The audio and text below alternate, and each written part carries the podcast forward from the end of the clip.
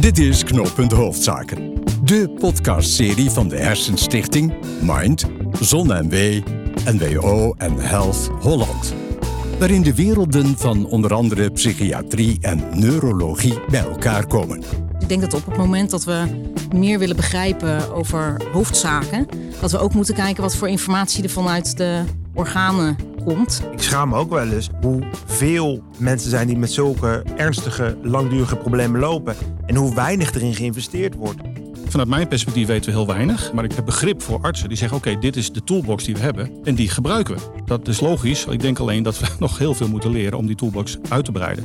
Ik denk waarom hoofdzaken een uh, belangrijk initiatief is, omdat het echt zou kunnen bijdragen aan die missie. En dat is namelijk zorgen dat mensen minder lang of minder vaak lijden aan psychische problemen en aandoeningen. Er zou meer ruimte moeten zijn voor wat wil een cliënt eigenlijk. Ik denk dat we binnen hoofdzaken ook wat ik wil noemen slow science moeten willen stimuleren. Dat de afstand tussen de neurologie en de psychiatrie, die overbruggen we hier eigenlijk in het Alzheimercentrum best goed. Hoe kun je gezamenlijk mensen met een hersen- of psychische aandoening beter helpen?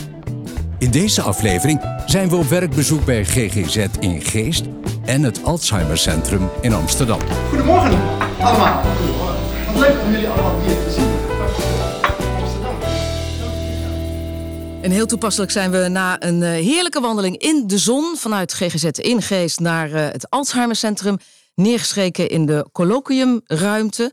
Ja, colloquium betekent, meen ik, samenspraak. Dus dat is ook precies wat wij hier gaan doen in deze podcast. De indrukken van het werkbezoek wat achter ons ligt bespreken. Hè, met de doelen van hoofdzaken voor onze ogen.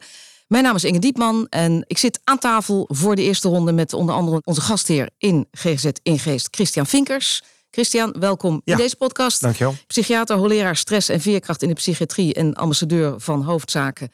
Je zei in het begin bij het gesprek wat we hadden bij Ingeest, de cortisol komt uit mijn oren. Want? Ja, nou, over drie dagen mag ik mijn oratie eh, houden, aanstaande donderdag.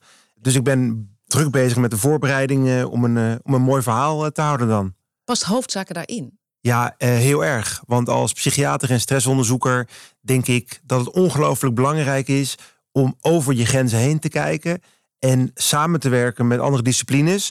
En voor stress kan het niet anders dan dat je verschillende disciplines, expertises nodig hebt om het ingewikkelde proces van stress naar ziekte en weer terug te begrijpen. Tegenover jou zit Jolande Pijnenburg, neuroloog, medisch directeur van dit Alzheimercentrum Amsterdam. Wij zijn omringd door jouw collega's. Er hangen allemaal portretten van jouw collega's hier aan de wand. Ik Ja. zie zelfs een aantal bekers. Ja. Jullie houden een rally. Ja, we hebben ook nog een rally inderdaad. En jij hebt ons net welkom geheten hier in het Alzheimercentrum. Het is ongeveer, we hebben ongeveer vijf minuten gelopen. Hè? Ja, was niet lang. Ja, dat is een korte afstand. Is de afstand tussen jullie twee ook heel kort? Dat is een hele goede vraag. Ik denk dat de afstand tussen de neurologie en de psychiatrie, die overbruggen we hier eigenlijk in het Alzheimercentrum best goed. Omdat wij bijvoorbeeld hier altijd een psychiater hebben zitten die meedenkt over de patiënten. En wij vanuit de neurologie ook altijd bij het multidisciplinair overleg van eh, GGZ in Geest zitten. Maar we hebben het dan wel vooral over de ouderen. En ik denk dat het stukje overbruggen met jongeren, dat dan nog wel iets beter kan. En het is denk ik wel belangrijk om te realiseren, we hebben hier in dit Alzheimercentrum de expertise liggen op dementie op jonge leeftijd. En dan hebben we het dus echt over mensen die voor hun 65ste, soms al op hun 50ste bijvoorbeeld, dementieverschijnselen krijgen. En dat zijn nog alles klachten die door de huisarts of door de bedrijfsarts geduid worden als, nou ja, dat zal psychiatrisch zijn. Want ze denken sowieso niet aan een dementie. En iemand die bijvoorbeeld bijna niks meer kan zien, niet eh, zijn koffie in zijn koffiekopje kan schenken, terwijl die eigenlijk alle ja, brillenglazen die zijn goed afgesteld. Hè, dan wordt er gedacht, nou ja, dat zit tussen de oren. Dus zulke mensen komen bij de psychiatrie terecht. En ik denk dat we vanuit onze expertise, hè, dat we nog veel meer zouden kunnen samenwerken van ja, die mensen die eigenlijk neurologische ziektes hebben, die bij de psychiatrie terechtkomen. Hoe doen we dat nou samen? In plaats van dat die mensen alleen maar naar het verschillende loket worden verwezen. Ja, ik hoorde Christian zo straks zeggen, die boedelscheiding, eh, die, Ja. eh, die, die moet Ja. van de, de tafel. En eh, ik hoorde jou zeggen, eigenlijk was het ooit samen. Het is Ja. uit elkaar getrokken. Klopt. We brengen het weer samen. We praten in deze podcast langs de lijnen van eh hoofdzakenprogramma te beginnen met die eerste lijn het sneller realiseren van oplossingen voor de patiënt. Oplossingen voor patiënten liggen voor het grijpen. Welkom Victor, patiëntenvertegenwoordiger GGZ. In welk panel zit je niet volgens mij? Je zit in de referentenpanel een van. ZonAMW, adviesraad eh, ervaringsdeskundige eh, hersenstichting. Je zit in het patiëntenpanel van de Patiëntenfederatie. Jij overziet in feite het hele veld, mag ik het zo zeggen? Ik probeer het, ja. en soms denk ik dat het eh, aardig lukt. Ja, jij kwam binnen en toen zei je... Nou, mooi dat ik er ben, maar waarom ben ik in mijn eentje? Inderdaad, dat vroeg ik me af. Je vindt dat er meer ervaringsdeskundigen betrokken moeten worden? Ja, ja, ik ben blij met dat er überhaupt een ervaringsdeskundige is. En ik hoor ook in de geluiden net eh, dat daar een openheid voor is en dat er voor gepleit wordt. Maar eh, ja, het moet ook wel echt gaan gebeuren, vind ik, op alle plekken. Ik denk dat het gewoon een hele waardevolle toevoeging is aan die integrale visie op het hoofd. Ja, ik vond het wel heel mooi wat je zei, want je luisterde naar het gesprek wat aan tafel geschiedde. En op een gegeven moment zei je, ik ben heel erg blij met deze terechte bescheidenheid. Als het gaat om, we weten nog niet zoveel van de hersenen. Ja, Maar geloof me, dat is iets anders dan als je dat in de doelmatigheid van de praktijk meemaakt. ja, wat ik om me heen heb gehoord van cliënten en, en naast betrokkenen en ook zelf heb meegemaakt, maar vooral op wat hoger niveau, eh, is dat er heel vaak geen tijd is, haast is, of dat eh, de, het aanbod of de, de mening van de, de visie van de hulpverlener heel erg bepalend is. Dan zeg ik het nog Hoe voorzichtig. dat? Ja, dat het aanbod eh, bepaalt eh, wat er in de, in de hitte, en daar heb ik ook wel enig begrip voor vanuit eh, de hitte van de strijd en, en de, de gebrek aan tijd en zo. Maar dat zou niet zo moeten. Er zou meer ruimte moeten zijn voor wat wil een cliënt eigenlijk? En, en hoe zit het met de sociale omgeving? Naast betrokkenen, wat zijn eigenlijk de opties? En dat moet ook goede informatie zijn. Nou, daar kan onderzoek aan bijdragen dat er betere informatie komt voor een goed gesprek. En dat kan ook zijn dat de regie wel, wel meer bij de hulpverlener komt, maar dan op verzoek van, expliciet verzoek van de cliënt en diens omgeving. En dat is nu vaak niet zo. Zou dat, Christian, als je de ervaringsdeskundige eh, heden ten dag nog meer betrekt dan het geval is, want dat komt wel afgelopen jaren wat meer in bewegingen, zou dat de oplossingen die we hebben, of oplossingen, behandelingen, de, de aanvliegroute om patiënten, mensen te helpen die nu lijden, zou dat een stap vooruit zijn? We hebben het in dit blok over, Ja. nou ja, er liggen oplossingen op de plank, maar we gebruiken ze niet. Ja. Kun je dat eens een gezicht geven? Nou, ik denk dat wat Victor zegt heel belangrijk is. En dat het ook heel erg voor de hand ligt om in hoofdzaken ervaringsdeskundigheid een, een rol te spelen. Uiteindelijk zijn mensen heel verschillend. Dus dat betekent dat de analyse van wat er aan de hand is, maar ook de oplossingen van wat er nodig is, ook heel erg per persoon zullen verschillen. En het betekent dat er een hele reeks is aan oplossingen die vanuit de psychiatrische hoek, psychologische hoek te zijn, niet altijd zullen aansluiten. En ook de hokjes waarin de GGZ soms in is gedeeld, en soms zo specialistisch dat je van loket naar loket gaat, dat je op een gegeven moment ook als patiënt kunt verdwalen. En ik denk dat dat verdwalen en, en het aanbod krijgen wat niet bij je past, dat dat wel heel belangrijk is om aandacht voor te hebben en te kijken hoe kun je dat doorbreken. Maar is niet anders bij jullie, toch? Nee, dat is zeker niet anders. En ik denk, eh, wat ook heel belangrijk is, in de- we hebben het nu over de patiëntenzorg, maar als je het ook naar het onderzoek kijkt. Mijn persoonlijke ervaring is ook echt hè, dat je als onderzoeker vaak bedenkt van hé, hey, dit is heel interessant en dit zullen de patiënten echt fantastisch vinden als we dit gaan ontdekken. Als je dan echt in gesprek gaat met de ervaringsdeskundigen, blijkt soms dat ze iets heel anders veel belangrijker vinden. Dus dat Ja. vind ik ook heel belangrijk om Maar dat soms erbij ook te per betrekken. persoon wat ze. Ja. Dus soms Ja. iets heel biologisch. Dan zeggen Ja. mensen, ja, dit is echt fantastisch. Ja. En soms doe je iets heel, nou ja, bijvoorbeeld Ja. nu een initiatief om je vrienden te betrekken. Dan zeggen sommige Ja. mensen, ja, oké, maar dat, dus mensen zijn ook heel anders en zullen Ja, persoonlijk, ja. persoonlijk toch? Ja. Zeker, ja. Ja, maar dan is de, de patiënt betrekken toch in de praktijk veel moeilijker dan dat we het zo op tafel leggen. Dus hoe zou, hoe zou je dat kunnen aanvliegen? Wat, wat zou voor hoofdzaken daarin leidend moeten zijn, Victor? Nou ja, ik zie voor hoofdzaak natuurlijk vooral het onderzoek. Van, van, eh, want nu zijn er best goede voorbeelden en goede afdelingen. Maar dat zijn allemaal eilandjes waar het dan goed gaat. En hangt ook erg af van toevallig eh, de behandelaar. Maar ik denk dat je eigenlijk onderzoek zou moeten doen. Van ja, wat maakt dan dat dat werkt of niet zo goed werkt? Eh, zodat je dat op grote schaal kan gaan doen. Maar is ook niet dat, want we hebben het nou over investeringen in hersenziekten, in geestelijke gezondheid. Ik vind dat heel fascinerend en ik, ik schaam me ook wel eens hoeveel mensen zijn die met zulke ernstige, langdurige problemen lopen en hoe weinig erin geïnvesteerd wordt. En dan hebben we het wel over lange wachtlijsten in de GGZ, dan hebben we het over de organisatie ervan, dan hebben we het over, nou ja, als het dat het niet lukt ook en de uitwassen. Maar het is toch ook zo dat je oogst wat je zaait. Dus op het moment dat je niet zaait om die kennis, en het gaat ook over de praktijk, hoe je het organiseert en hoe je mensen betrekt. Als je daar niet in investeert, dan zijn eigenlijk de lange wachtlijsten en zo, ja, dan, dat is meer een doekje voor Maar het zou, bloeden. zouden, zouden wachtlijsten eh, teruglopen in aantal als je meer eh, aandoeningsoverstijgend werkt, als je meer vanuit de oorsprong werkt? En dus ook hè, dus die, die werelden ook veel meer bij elkaar voegt. En dan hebben we het nu over de psychiatrie en de, de neurologie. Ligt denk ik heel erg aan de type aandoening. Maar ik denk wel hoe complexer het wordt, hoe beter het is als je echt multidisciplinair samenwerkt. Eh, Ik heb zelf een spreekuur waar ik samen met een psychiater doe. En daarmee voorkomen we echt letterlijk dat we de patiënt naar elkaar gaan verwijzen. Want je kan de patiënt dan gewoon niet meer van het kastje naar de muur sturen. Want het kastje en de muur zitten naast elkaar. Ik vond het wel mooi dat jij Ja, zei van ja. het zit tussen bij de psychiatrie Ja. en dan zeggen ze het zit Ja. tussen de oren, maar het zit bij de neurologie toch ook vrij vaak tussen de oren. Precies, ja, dus, dus eh, alleen tussen Of de je oren wordt hersenen met name... ergens anders, maar dat is toch nee, heel dat klopt. Dus, dus dat is een beetje psychiatrie geworden. Hè? Ja. Terwijl dat natuurlijk ook neurologie is. Dus zo mag je dat natuurlijk ook helemaal niet zeggen. Iets anders wat ik ook nog wel even wilde toevoegen aan de discussie is... maar dat is ook vooral weer vanuit de mensen die wij hier zien. Hè? Dus dat niet alleen de patiënten zelf, maar ook de naasten... Hè? die hebben ook gewoon veel in te brengen... in hoe de zorg goed zou kunnen worden georganiseerd... en ook wat er goede thema's zouden zijn om te onderzoeken. En een deel van de patiënten die wij zien... die verliezen functies van de hersenen waarmee ze eigenlijk niet goed meer zelf hun eigen situatie kunnen overzien. Dus ik heb een aantal patiënten die op mij spreken komen die zeggen nou het gaat hartstikke goed met mij, terwijl het helemaal niet hartstikke goed met hun gaat. En daarom zijn die naasten zo belangrijk. Een ander punt wat ik jou hoorde zeggen, Victor, we zaten aan de koffie en je vertelde me dat, was dat je heel graag iets wilde zeggen over dat transdiagnostisch. Omdat Ja. je daar heel erg in gelooft. Ja, Ik, zeker. ik zag in de kast Ja. de DSM-5 staan. Maakte daar een opmerking over. Dat gaf toch wel wat beroering. Voor de, voor de luisteraar die DSM-5 niet kent, even kort. Nou, dat is het statistische handboek van de psychiaters. Wat een soort grofmazige klassificatie is van, van psychiatrische aandoeningen. Wat een rol speelt in de psychiatrische praktijk. Wordt ook wel de Bijbel van de psychiatrie eh, genoemd. En dat is een eh, goede overeenkomst, omdat het vaker en nauwkeuriger door critici wordt gelezen dan door aanhangers. Ja, maar met een Bijbel is of je gelooft het of gelooft het niet. Hè. Wat, wat, wat vind jij van de DSM-5? Of, Nou, wat ik jammer vind qua exclusies en inclusies, eh, als het gaat om onderzoeken, is dat het vaak gebeurt op basis van de DSM.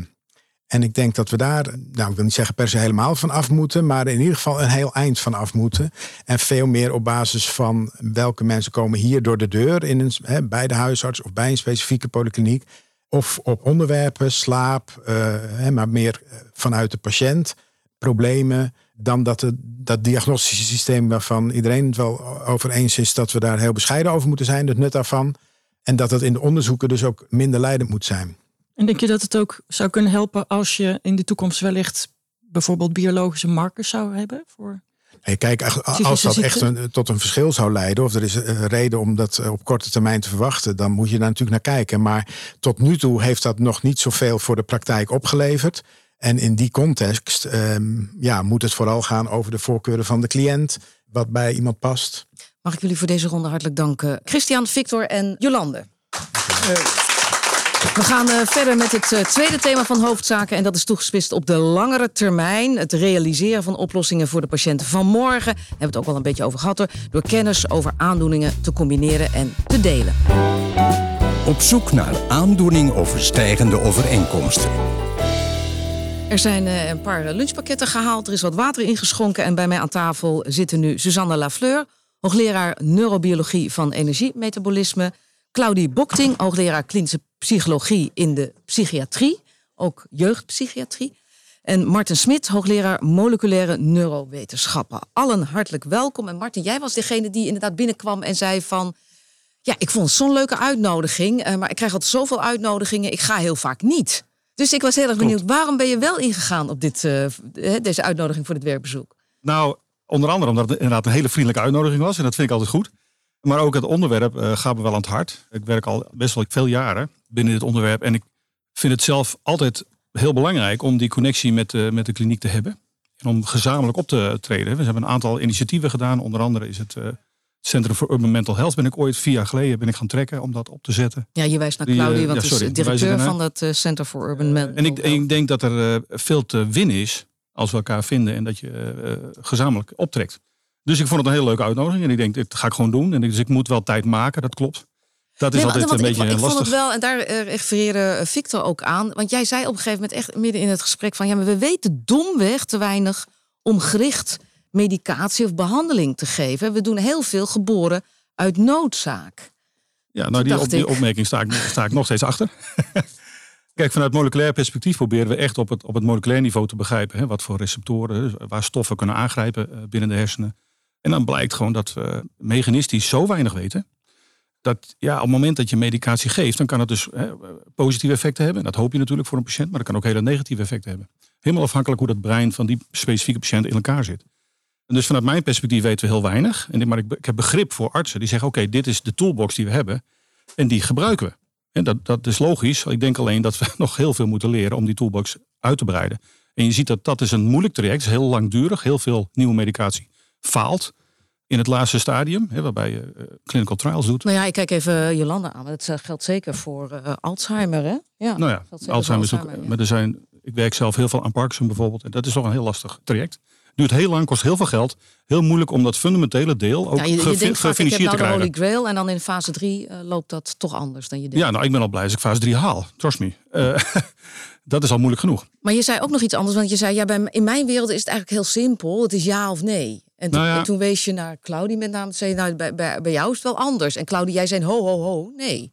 Ik zei inderdaad ho, ho, ho, nee. Want ik, denk inderdaad, het is allemaal niet zo simpel in onze wereld. Aan de andere kant, als je een duidelijke stip aan de horizon hebt, een duidelijke missie, dan kan dat wel een vehikel zijn om alles wat je doet, of het nou onderzoek is of klinische zorg, om daar zeg maar aan af te rekenen. En ik denk waarom hoofdzaken een eh, belangrijk initiatief is, omdat het echt zou kunnen bijdragen aan die missie. En dat is namelijk zorgen dat mensen minder lang of minder vaak lijden aan psychische problemen en aandoeningen. En, en daar zijn we simpelweg nog niet goed genoeg in.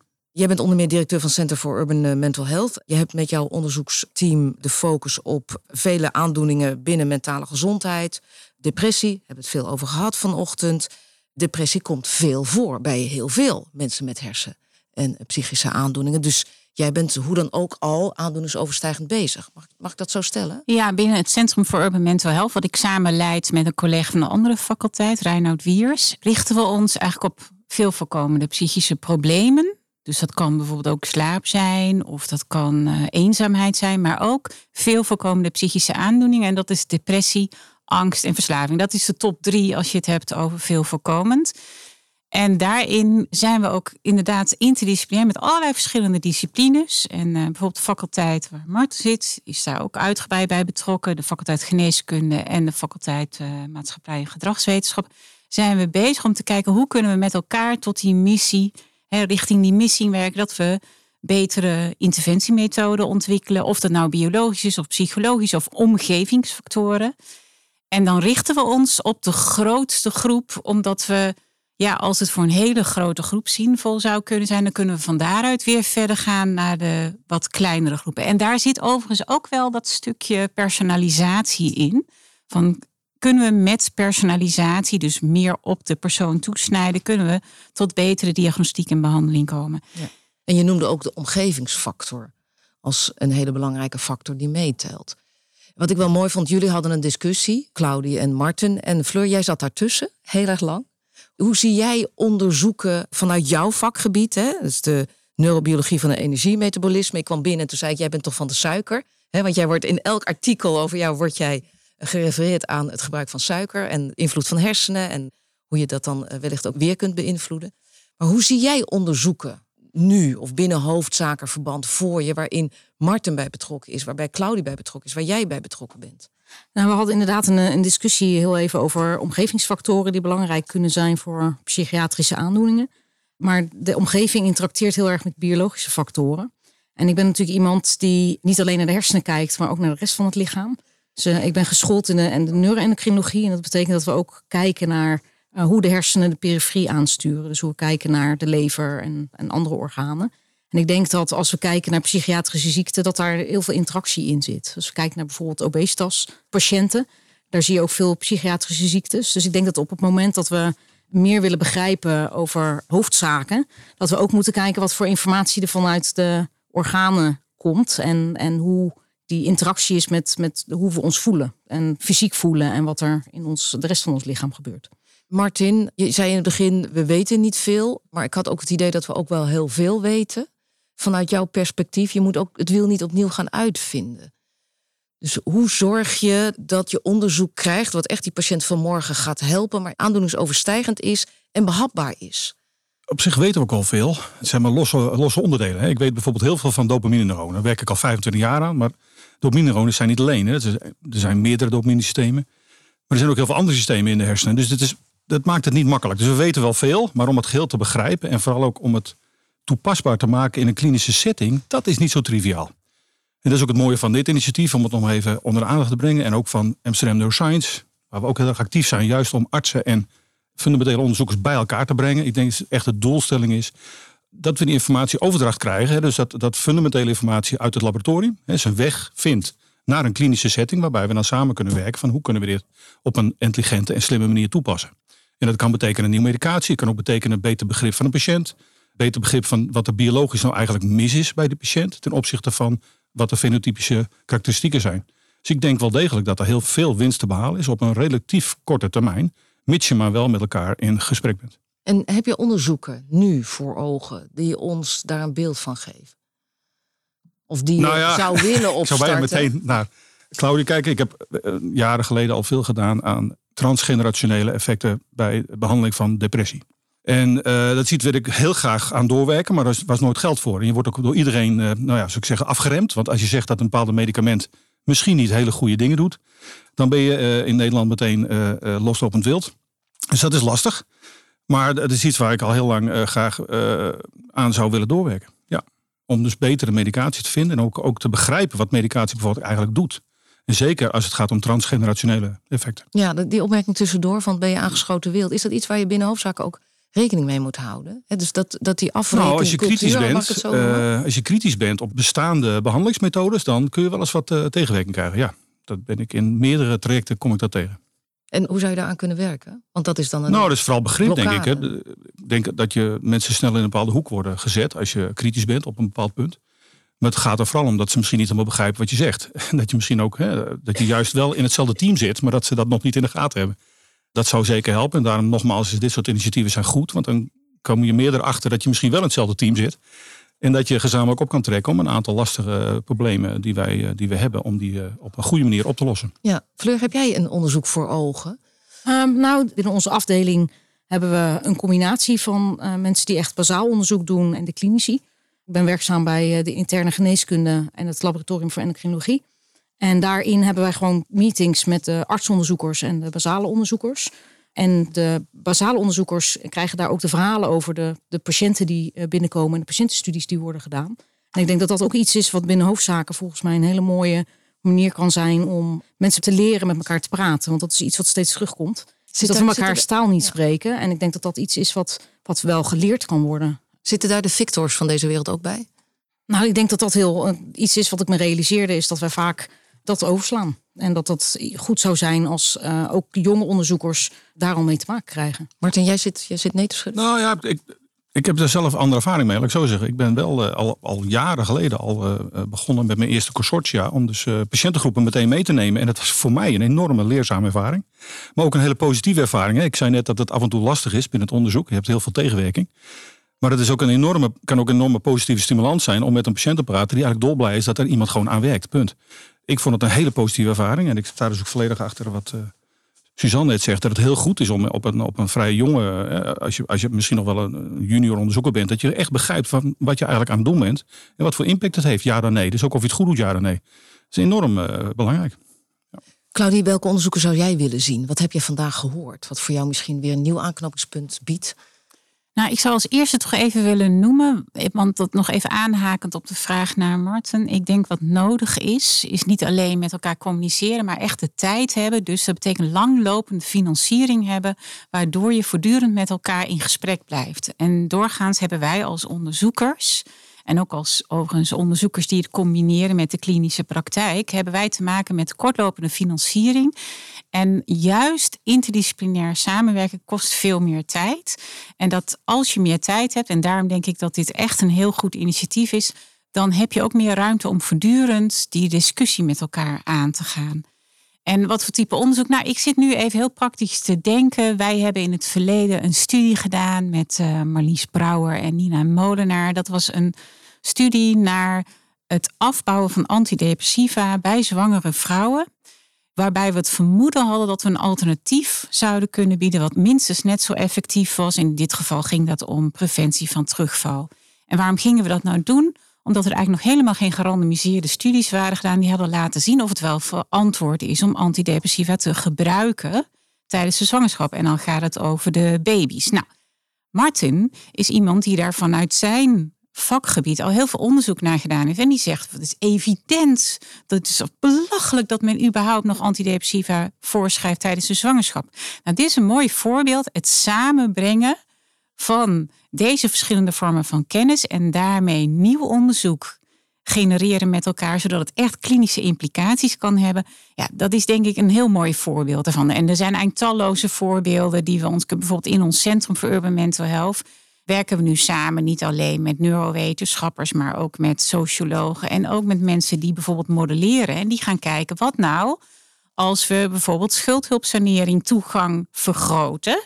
Wat gebeurt er dan bij de wachtlijsten naar de GGZ. Nou, die gaan dat dan modelleren. Hoeven we eigenlijk helemaal niet zoveel praktisch voor te doen. We moeten wat data hebben. En dat kan soms hele goede nieuwe inzichten geven. Waardoor je misschien wel het totaal anders gaat aanpakken met elkaar. Hoofdzaken moeten dus ook die buitengebieden meenemen. Als ik het even buiten noem. Als nou, je ik de denk letterlijk van, van binnen van molecuulniveau tot en met maatschappelijk, zelfs globaal niveau. En ik denk het voorbeeld daarvan is eigenlijk.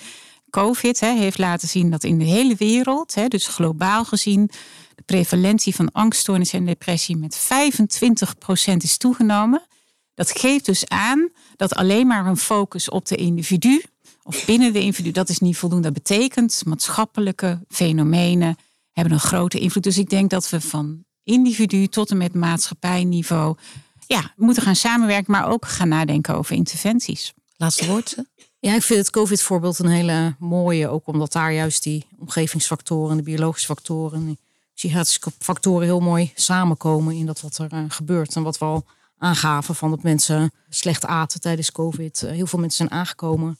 En beweging is natuurlijk heel belangrijk. Dus ik denk dat dat wel een van de dingen is die uh, ja, ook binnen hoofdzaken heel mooi voor. Ja, want jij weet ook als voor... geen ander dat dat invloed ja. heeft op je hersenen. Ja, zeker. Want dat ja. komt uit jouw ja. onderzoek. Ja. ja. Martin, tot slot, heb je spijt dat je gekomen bent? Nee, totaal niet. Het was een zeer uh, enerverende dag. Mooi zo. Dankjewel. Dankjewel. Dank je, dankjewel. Martin Smit, Claudie Bokking en Suzanne de Fleur. Het derde en laatste onderdeel van deze podcast gaat over het beter delen van kennis en data door een goed werkende kennis- en innovatiestructuur. Het samenbrengen van mensen en data. Voor de laatste ronde zit nu aan tafel Chris Vriend, assistant professor neurowetenschappen betrokken bij Young Neurolab NL. Yes. Uh, Henk Smit, bestuurder uh, hoofdzaken vanuit ZonMW. En hij zei in het begin uh, bij het tafelgesprek dat we hielden bij GGZ in Geest. Hè, we zitten nu bij het Alzheimercentrum. Ik ben partner in crime met uh, Christian. Christian die zo straks ook al aan tafel zat, onze gast hier. Hoogleraar stress en veerkracht in de psychiatrie. Jullie zijn partners in crime. Hoezo Henk? Ja, heel lang geleden begonnen we eerst ideeën te verkennen van... is er behoefte aan een heel nieuw programma in ons land... dat de helaas gegroeide scheiding tussen neurowetenschappen en psychiatrie ongedaan gaat maken. Er waren hele wilde gedachten, vandaar Partner in Crime. En er is een prachtig nieuw initiatief, Hoofdzaken, uit voortgekomen. En Chris, jij zit met, hier volgens mij met heel veel plezier aan tafel. Want wij Zeker. wandelden in dat heerlijke zonnetje van GGZ in Geest hier naartoe. En uh, kwamen in gesprek. En het sluit heel erg aan bij hoe jij de benadering ziet. Hè? Jij, jij hebt het echt Ja. over, je moet kijken vanuit een spectrum. Leg dat eens uit. Nou, op dit moment is het zo, eh, als we weer terugvoeren op eh, wat net werd gezegd, die DSM. Dat zijn dus eigenlijk verschillende categorieën waarin mensen worden ingedeeld op basis van een setje aan eh, ja, criteria weer. En vanuit mijn visie is het zo ook, ook gegeven het feit dat mensen niet voldoen maar aan één diagnose, maar vaak aan meerdere tegelijkertijd. Comorbiditeit zoals het heet. Dat we moeten kijken naar een spectrum van klachten die mensen hebben. Dus is er sprake van wat angstklachten, depressieklachten, dwangklachten, noem maar op. Dat we daar meer moeten naar gaan kijken. In plaats van iedereen in, in verschillende hokjes indelen. Nou zit jij ook bij uh, Young Neurolab NL. En Ja. dat is eh, een, een, een prachtig platform voor en door jonge onderzoekers in het veld van hersen, cognitie en gedragsonderzoek. Wat is kenmerkend voor jullie infrastructuur, voor jullie platform, waar hoofdzaken wat dan zou kunnen hebben? Het gaat echt om jonge onderzoekers die hun promotie al hebben gehad. En daar zit een beetje het gat van hoe kom je van na die promotie, waar je heel veel kennis hebt opgedaan, heel specie expertise he- hebt opgedaan, hoe kom je dan naar de volgende stap om eh, die kennis te gaan toepassen in breder perspectief en daarvoor aanvragen in te dienen? Nou, voor die groep aan onderzoekers is er nog heel weinig mogelijkheden op dit moment. 70% van al die mensen gaat de wetenschap uit. En ik denk dat hoofdzaken waar die heel erg gericht is op interdisciplinariteit, daar echt aan kan bijdragen om die specifieke groep mensen te ondersteunen, dus financieel en anderzijds, om de kennis die al is opgedaan niet verloren te laten gaan. En die mensen ook interdisciplinair met elkaar te laten samen gaan werken. Want we hebben gewoon gezien, ook uit de vragenlijst die we hebben opgestuurd binnen ons netwerk, dat er heel veel behoefte, maar ook wil is om samen te werken. Maar die mogelijkheden zijn er tot dusver nog onvoldoende. Ja, dit dat werd ook in de eerste bij, eh, podcast eh, ja. opgemerkt. Maar dit is bij uitstek passend binnen eh, hoofdzaken natuurlijk. We willen heel graag jong talent stimuleren. En wat ik hoop is dat eh, daardoor minder uitstroom van goede wetenschappers eh, zal ontstaan. Maar ik hoop nog iets anders ook. Dat juist die jonge groep voor weer nieuwe creatieve ideeën zorgt. Dus niet alleen de bestaande lijnen voortzetten. Ja, ook dat moet gebeuren. Het is waardevol. Maar we hebben ook vernieuwing nodig. Dus ik hoop dat de jonge categorie onderzoekers ook met creatieve, grensverleggende nieuwe ideeën komt. En hoofdzaken moet zo open zijn dat die ideeën ook gehonoreerd worden. Ook al staan ze eventueel ter discussie.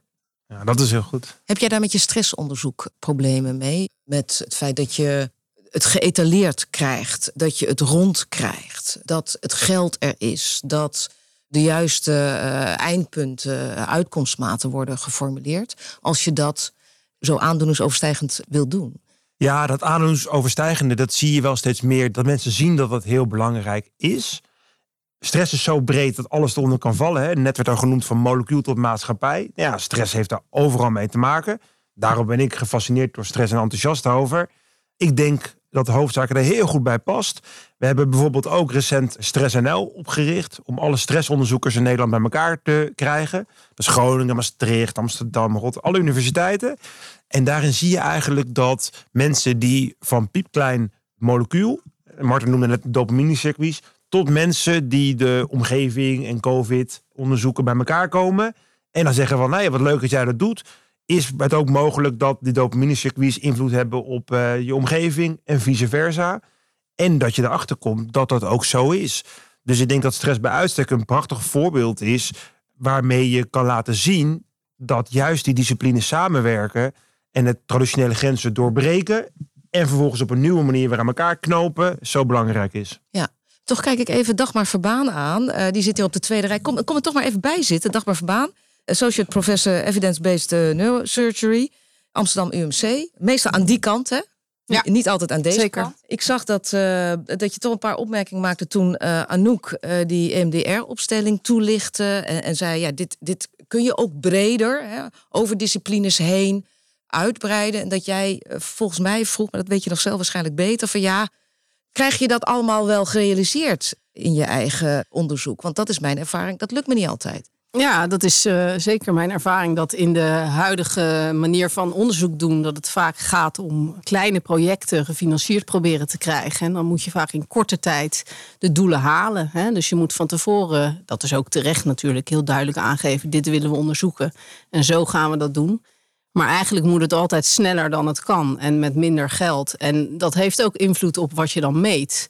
Meestal wil je veel breder kijken. En dat is waar we het vandaag eigenlijk over hebben. Maar vaak is daar de tijd en het geld niet voor. Dus ik was gewoon benieuwd. Hè. Ze richt zich eigenlijk op één ding. Maar ze wil eigenlijk meer dingen weten. En het is heel fantastisch dat ze dat nu al meeneemt. Maar eh, je ziet ook vaak in de praktijk dat dat toch niet gebeurt. Maar dat zal dus Helaas. voor heel veel trials zijn, onderzoeken die je op een hoofdzakenmanier zou willen aanvliegen. Absoluut. Ja, ik denk dat dat ook is waarom het zo mooi is dat dit initiatief er komt. Dat iedereen dat eigenlijk wel wil, maar dat je in de waan van de dag ook gewoon beperkt wordt. Eh, want je hebt liever een aanvraag ingediend dan niet ingediend. Dus dan Ja, dan hou je het kleiner dan dat je dat eigenlijk zou willen. En juist dat met elkaar in gesprek gaan, dat komt elke keer terug. En dat is denk ik van wezenlijk belang.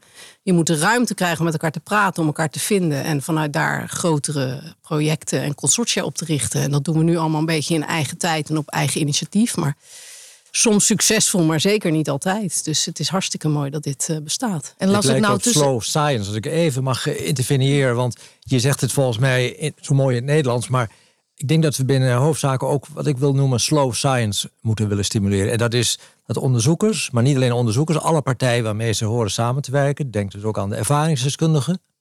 we hebben goed geluisterd naar Victor. Tijd krijgen voordat ze het, laat ik zeggen, het feitelijk onderzoek doen. En die tijd is gewoon waardevol. We hebben heel vaak gedacht, ja, dus, dat moeten we niet willen financieren. Maar die tijd is reflectie. En reflectie leidt, naar mijn mening, tot betere wetenschap. En als je grotere consortia financiert, kun je dat allemaal inbouwen. Lange termijn financiering, minder heigerig van vier jaar naar vier jaar naar vier jaar. Maar wel met voldoende flexibiliteit. Want je kunt wel een subsidie voor tien jaar binnenhalen. Maar als het vervolgens niet goed loopt, moet je na vier of vijf jaar in een tussenevaluatie wel kunnen zeggen. We moeten een aantal zaken toch gaan bijstellen. Dat is een beetje wat Claudia ook bedoelde. Interdisciplinair onderzoek kost gewoon veel tijd. Nou ja, overlegtijd.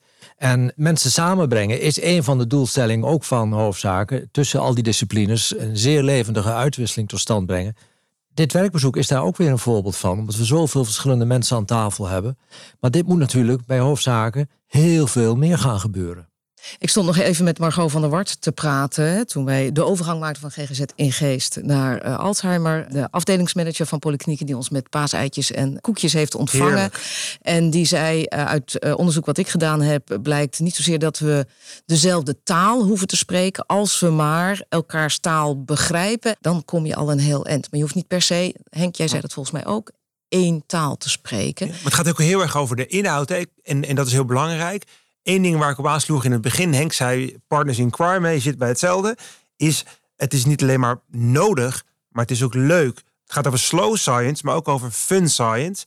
Dat je plezier hebt met elkaar. En dat is wat hoofdzaak in de afgelopen jaren dat ik erbij betrokken ben geweest, is dat je gewoon enthousiast raakt en dat je in plaats van doorgaan en doorrazen, dat je stil wordt gezet, met andere mensen spreekt en dat je ziet hoeveel lol mensen met elkaar hebben. Dus hoofdzaken is ook gewoon heel leuk. En is het, ik weet niet meer wie die opmerking maakte in het gesprek wat we met elkaar hadden, maar is het inderdaad uh, het tijdsgewricht dat voor ons werkt?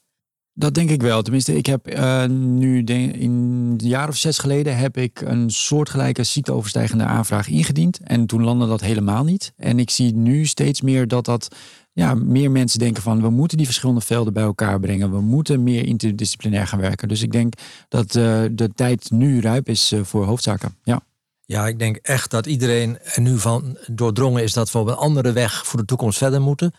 Het opvallende is, we hoeven eigenlijk bij heel veel partijen hoofdzaken niet eens meer zo te verdedigen. Het wordt heel snel opgepakt. Alleen al het feit dat we zeggen we willen de kennis veel beter integreren dan we vroeger gedaan hebben. Daar is al heel veel draagvlak voor. En dan onze nieuwe werkwijze, waar we zo even over spraken. Ja, dat wordt ook omarmd. Dus ik denk echt dat we een hele goede toekomst tegemoet gaan. Eén laatste punt, Christian. Ik meen dat Claudie dat opmerkte, maar uh, die zei van ga het wiel ook niet helemaal uitvinden. Want in Amerika proberen ze al op deze manier te werken. Dat heet het programma ARDOC. Ja, ARDOC, ja. Dus het zou goed zijn om te kijken welke lessen daar geleerd zijn. We moeten wel enthousiast zijn, maar niet naïef. Dus dat zou ook, zou ook niet, niet slim zijn om te zeggen... wij gaan weer helemaal het wiel opnieuw uitvinden... en we gaan alles wat er al is gedaan en geprobeerd... niet meenemen of verwaarlozen. Dus er zijn initiatieven gaande en geweest. In Amerika is dat hè, die dan over diagnoses en transdiagnostisch zo keek. Nou, daar zijn waardevolle dingen uitgekomen. Dingen die werkten, dingen die niet werkten. Ze zijn nu weer een beetje vanaf gestapt. Dat heeft ook met een soort politieke wind te, eh, te maken, is mijn inschatting. Maar ik denk dat je zeker daarvan moet leren. Dus dat je niet, niet naïef uh, een, een, soort manifest hebt. En, en, maar je denkt erover na, je reflecteert. En je neemt de lessen uit het verleden mee mag ik jullie hartelijk danken. Chris Vriend, Henk Smit, Christian Vinkers, Dagmar Verbaan. Henk, Chris, ik weet niet of jullie je lunchbox al hebben Zeker. gehad. Jazeker. Degenen die dat nog niet hebben, die kunnen hem pakken. Dit was vanuit het Alzheimer Centrum in Amsterdam. Op een steenworp afstand van GGZ Ingeest. De tweede aflevering van Knooppunt Hoofdzaken. In de volgende podcast zijn we op bezoek bij onderzoeksinstituut ERIBA in Groningen. Heeft u vragen of opmerkingen, laat het ons weten. En kijk voor meer informatie op hoofdzaken.nl. En dan kun je ook met ons in contact komen. Dank voor het luisteren. Graag tot bij het volgende werkbezoek.